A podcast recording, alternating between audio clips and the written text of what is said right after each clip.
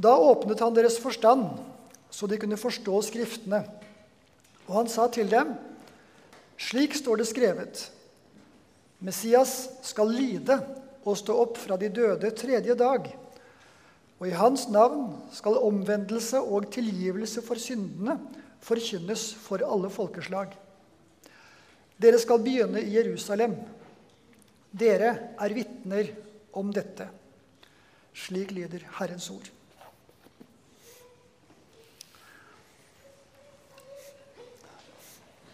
Denne søndagen kommer etter at vi har passert alle de tre store kristne høytidene jul, påske og pinse.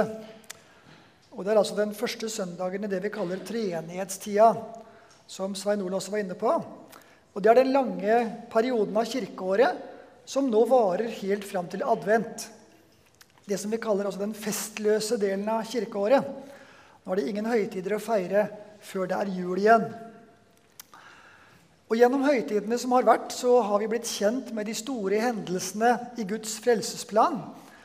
Og vi har blitt kjent med den treenige Gud på en måte som gjør at nå er vi klare til å gå ut i tjeneste for Guds rikes sak.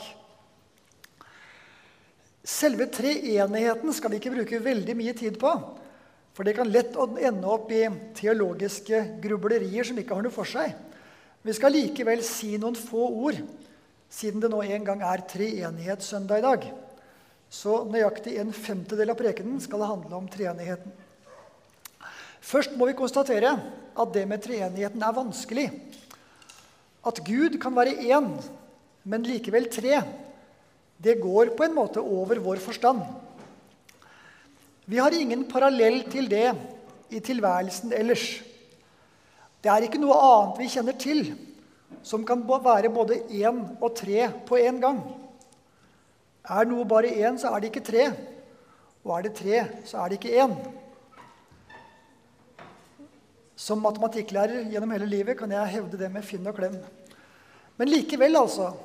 Her står vi ved et mysterium som en matematiker ikke kan løse. Og jeg tror heller ikke at vi som ikke er teologer, trenger å bruke veldig mye krefter på å prøve å forstå dette mysteriet. Men om vi ikke kan forstå det, så kan vi likevel tro det. Og det er det viktigste. Helt siden oldkirkens dager så har Kirka slått fast at vi tror på en treende Gud. Og da har ikke jeg noe behov for å stille spørsmålstegn ved det. Det en enkel sjel som meg kan lese i Bibelen om dette her, ser det for meg ut også til å peke på en treende Gud. For hva er Faderen og Sønnen og Den hellige ånd da, hvis de ikke er en treende Gud? Jeg har aldri hørt noe godt alternativ til det. Og kanskje kan vi nøye oss med en litt forenkla forklaring som fornuften vår kan begripe.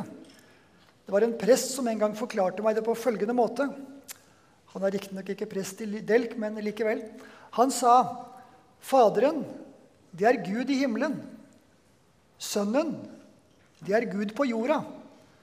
Den hellige ånd, det er Gud i oss. Kanskje er det ikke fullt så enkelt, men den forklaringen var så enkelt at jeg klarte å forstå det. i hvert fall. Og eh, kanskje er den så enkel at dere klarer å huske den i 40 år også, slik som jeg har gjort. Eh, Faderen, det er Gud i himmelen. Sønnen, det er Gud på jorda. Den hellige ånd, det er Gud i oss. Det klarer vi å begripe på et vis. Og I hvert fall så kan det fungere som en påminnelse om at vi tror på en treenig Gud. Skulle dere møte på en teolog som rynker på nesa det her, så får dere ikke si at det er jeg som har sagt det. da. Ja, Det var den første femtedelen av prekenen. Da er det fire femdeler igjen. Nå hører dere at jeg er matematikklærer. Um, og nå skal vi snakke om noe annet som er vanskelig å forstå. Eller i hvert fall var vanskelig å forstå. For det som Jesus snakker om med disiplene i denne teksten her, det var noe han hadde sagt til dem mange ganger. Men for å si det slik vi ville si det, kanskje, det hadde vært som å snakke til veggen. Han hadde prøvd å forklare at Messias, altså han selv, skulle lide og til og med dø, og at han deretter skulle stå opp fra de døde. Gud fri deg, Herre, dette må aldri hende deg, sa Peter da han hørte det.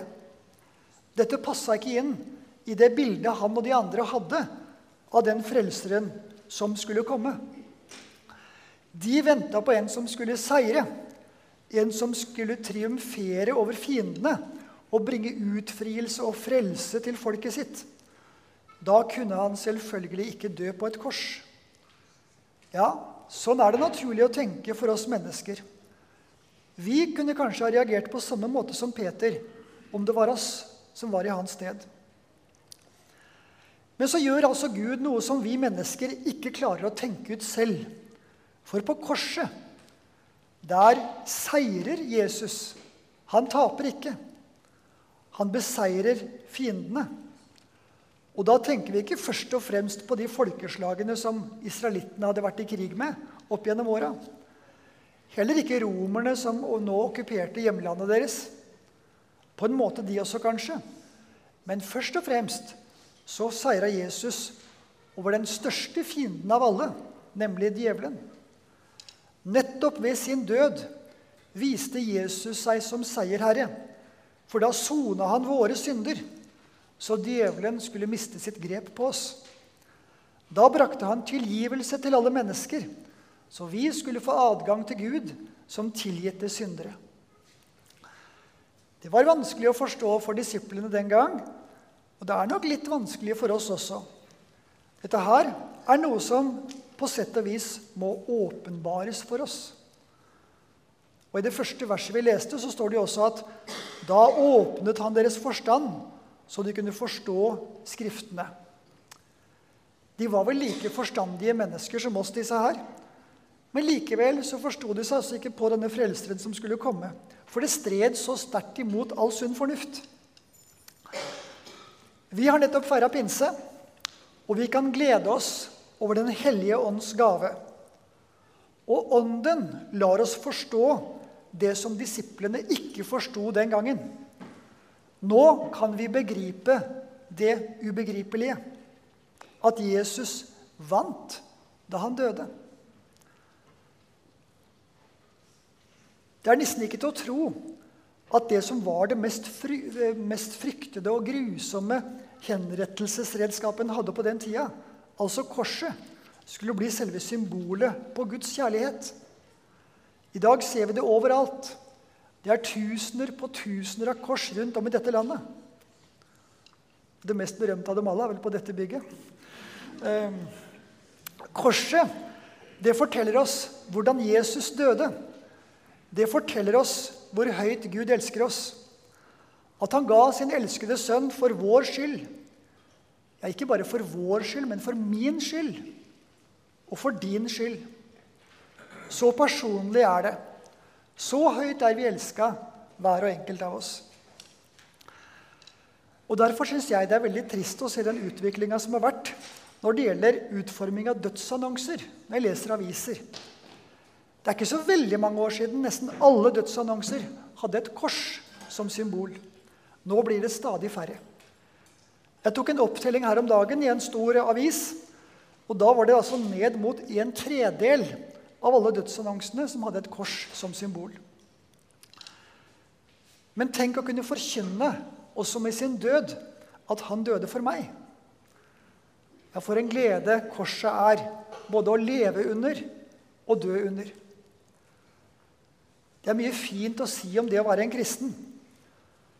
Og noe av det som jeg har tenkt mye på i det siste, det er hvor annerledes det er å dø for den som hører Jesus til. Død, hvor er din brodd? Død, hvor er din seier? skriver Paulus. Nå kan døden kun gjøre oss én ting, og det er å frakte oss hjem til Jesus. Så snudd på hodet er det blitt. Jeg vokste opp i en kommune som het Nedre Eiker, som ikke eksisterer lenger nå fordi den er slått sammen med Drammen. Men for noen tiår siden var det i påskeutgaven av Menighetsbladet i bygda en litt spesiell dødsannonse. Det, slik, det sto noe slikt som eh, 'Vår alles fiende, døden, gikk bort i dag'. Så sto det noe mer som jeg ikke husker. Men poenget var selvfølgelig at Jesus i påsken seira over døden, slik at den ikke lenger kan gjøre oss noe vondt. Den gangen så hadde avisa Dagbladet en spalte de kalte Dusteforbundet. Hvor de omtalte ting som sto på trykk i ulike organer, og som de syntes var så dumt at det var verdt å gjøre narr av. Og denne dødsannonsen husker jeg, som sto i en menighetsblad for Nedre Eiker, den ble gjengitt der og ble forsøkt gjort til latter. Og Det minner oss om at evangeliet skaper to typer reaksjoner. Noen tar imot det og kommer til tro. Andre tar avstand fra det de hører. Og noen blir til og med voldsomme motstandere av budskapet. Og Derfor så tenker jeg det er kanskje grunn til å ha medfølelse med disse journalistene i Dagbladet hvis de fremdeles lever. For da har de fremdeles døden hengende som en mørk skygge over dagene sine. Og hvis de er døde, så døde de kanskje uten håp. De er alvoret i det. De ble overlatt til det som fremdeles var deres fiende, og som for dem ikke varsler annet enn mørke og undergang. Det minner oss på hvor mye vi har å være takknemlige for, vi som hører Jesus til. Så godt og velsigna det er å leve under korset og å dø under korset. Og så er det et faktum at det kristne budskapet mange steder i verden vekker langt sterkere reaksjoner enn de avisskriveriene vi nettopp har nevnt. I mange land er det livsfarlig å være kristen. Det gjelder særlig mange muslimske land og noen gjenværende kommunistiske. I Nord-Korea vet man vel ikke hvor mange kristne som sitter i fangeleire. Vi vet bare at det er veldig, veldig mange. Fra Nigeria hører vi stadig historier om trusler og bortføring og drap av kristne. Og etter at Taliban kom til makta i Afghanistan, blir det landet nå regna som det aller farligste stedet i verden å være kristen. En har visst funnet ut at i gjennomsnitt så drepes det 16 kristne per dag. Det blir 500 per måned. Det er skrekkelige tall. Og likevel så sier altså Jesus at omvendelse og tilgivelse for syndene skal forkynnes for alle folkeslag. Til tross for at det kan få de mest forferdelige konsekvenser for den som kommer til tro. Og det kan anføres mange argumenter for å ikke forkynne evangeliet. Vi hører av og til om de. Og Vi kan godt begynne der som Jesus begynner, i Jerusalem. Når Jesus sier at disiplene skal begynne sitt arbeid nettopp der, så er det fordi jødene har en førsterett på evangeliet. Det samme skriver Paulus flere steder i sine brev. I Romerne 1,16 skriver han Jeg skammer meg ikke over evangeliet. Det er en Guds kraft til frelse for hver den som tror. Jøde først, og så greker. Både Jesus og Paulus sier altså at jødene skal ha en førsteprioritet når evangeliet skal forkynnes. Og Likevel er det mange i dag som snur dette fullstendig på hodet og sier at vi ikke skal forkynne evangeliet for jødene i det hele tatt. Mange kirker i Tyskland har det som sin offisielle politikk at jødene skal spares for evangeliet. Vi har gjort så mye vondt mot jødene, sier de, at nå må de, være, nå må de få være i fred for oss. Nå må vi ikke plage dem mer. Og Så finnes det jo en del jøder som tross alt tror på Jesus. Og hva sier de når de får høre at jødene ikke skal høre evangeliet? Oi sann. Beklager. Skremte jeg dere? Ja. Eh, jo, disse jødene som tror på Jesus, de er meget skarpe i sin kritikk av de som avviser evangelisering for jødene. De kaller det rett og slett antisemittisme. For hvis vi virkelig mener at evangeliet og troen på Jesus er det aller beste vi har fått i livet, så skal vi altså dele det med alle mennesker, unntatt jødene. Da har vi snudd det på hodet, det Jesus og Paulus sa. Og ønsker vi å tro, være tro mot Bibelen, så kan vi ikke gjøre det. Et annet argument for, for å ikke drive misjon det er at det er en form for kulturimperialisme. at vi har og har hatt et ønske om å presse vår vestlige kultur og livsstil på folk fra andre kulturer. Ja, det har nok forekommet, og det må vi beklage. Men det er tross alt ikke det som er hovedbildet. Langt mer vanlig var det at det var de vestlige kolonimaktene og deres representanter som overkjørte og undertrykte de folka de hadde lagt under seg. Mens misjonærene gjorde ofte noe helt annet. Lars Skrefsrud, som var misjonær blant santalene i India, han la utrolig mye energi ned i å tale santalenes sak overfor de britiske kolonimyndighetene. Så mye at han nesten fikk heltestatus blant det folket han kjempa for. Så om det finnes eksempler på at misjonærer har gått uklokt fram, så finnes det enda mange flere eksempler på at det nettopp er de som har sørga for at lokale kulturer har blitt tatt vare på og overlevd. Jeg var en gang for mange år siden på Hawaii. Der var jeg med på en busstur. Og guiden vår på den turen han tilhørte den opprinnelige befolkningen, urbefolkningen på Hawaii. De som var der før de hvite oppdagerne kom. Grunnen til at vår kultur er bevart, at vi fikk et skriftspråk, lærte å lese, og at språket vårt har overlevd fram til i dag, det skyldes ene og alene misjonærene, sa han. Hva hadde vi vært i dag uten dem? Misjonærene gjorde en fenomenal innsats for oss. Slike historier er en viktig del av sannheten om misjonærenes møte med fremmede kulturer. Men verden, for å bruke et bibelsk uttrykk, har en sterk motvilje mot å ta sånne historier inn over seg. Også til det som vi allerede var inne på, at i noen av de landene der vi forkynner evangeliet, så vil det å bli en kristen kunne gi store personlige omkostninger for de som kommer til tro. Og da må vi jo først si at motgang det er faktisk noe som hører det kristne livet til. Vi må gå inn i Guds rike gjennom mange trengsler, sa Paulus ved en anledning. Og Jesus sa i verden har dere trengsler, men vær frimodig, jeg har seiret over verden. Trengsler og vanskeligheter det er noe alle kristne må være forberedt på. Troen kan koste, og det slår ulikt ut for hver enkelt. Men veien til himmelen er ikke en autostrada der vi suser av gårde uten friksjon. Det er en smal sti, sa Jesus den kan være kronglete og bratt. Og vi vet at noen gir opp. Men følger vi den stien til veis ende, så når vi målet vårt. Der venter det en ny himmel og en ny jord. Der skal vi ha fellesskap med Jesus og med hverandre til evig tid.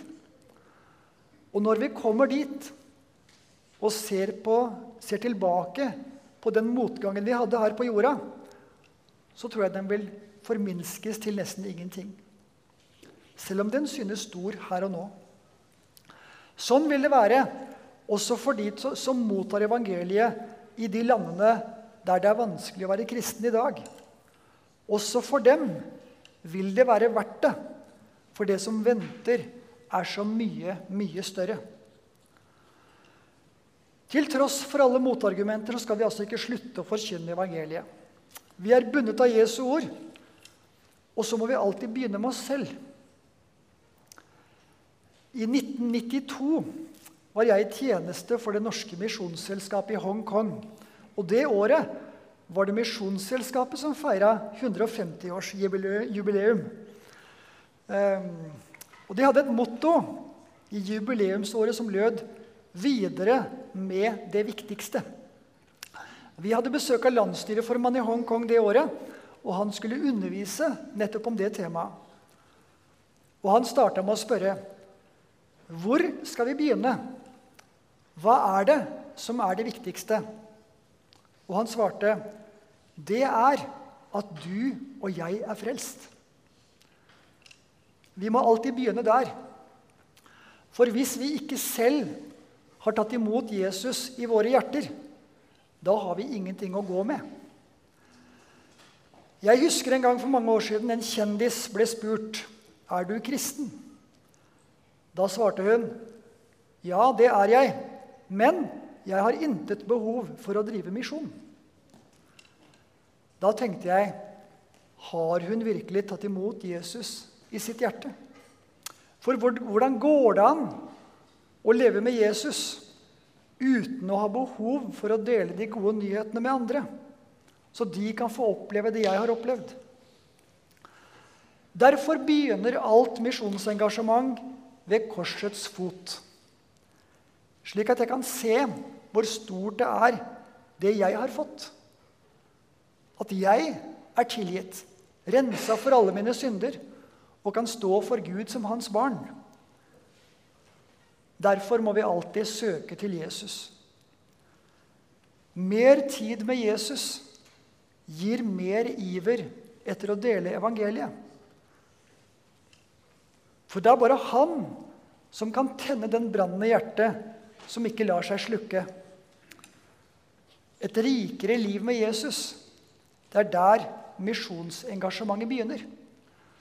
Og Derfor har dere gjort et riktig og godt valg når dere kom til kirka i dag. Selv om ikke preken er all verden. For det kristne fellesskapet, når det ikke er viktig for et menneske, da er det grunn til å tenke at kanskje Jesus heller ikke er så viktig. For dette er det nærmeste vi kommer å være sammen med Jesus. Når vi møtes med andre troende. Når Bibelen blir liggende uåpna, kan det være et tegn på at kristenlivet har stagnert og stagnasjon vil i det lange løp alltid føre til uttørking. Når bønnelivet skranter, og det ikke er så viktig å snakke med Jesus lenger, da vil livet vårt bære lite frukt. Og det kan til slutt ende med ingen frukt. Dette er alvorlige ord. Men det er viktig å si det vi snakker om nå, det er ikke noe vi skal prestere. Vi skal ikke gjøre annet enn å komme til Jesus med tomme hender, så han kan fylle dem. For ingen av oss har noe å komme med. Vi er i samme båt, alle sammen. Men det er vi som må komme. For Jesus, han trenger seg ikke på noen. Det er vi som må åpne opp og rekke han de tomme hendene. Og han gleder seg når vi kommer. Kjære Jesus, takk for at vi får komme til deg på ny og på ny og at du aldri slutter å ta imot oss. Lær oss å leve nær deg, så vi får se hvor stort det er at vi får være dine. Led oss på himmelveien og velsign våre liv, så vi må bære frukt for deg under vår vandring her på jorda. Amen.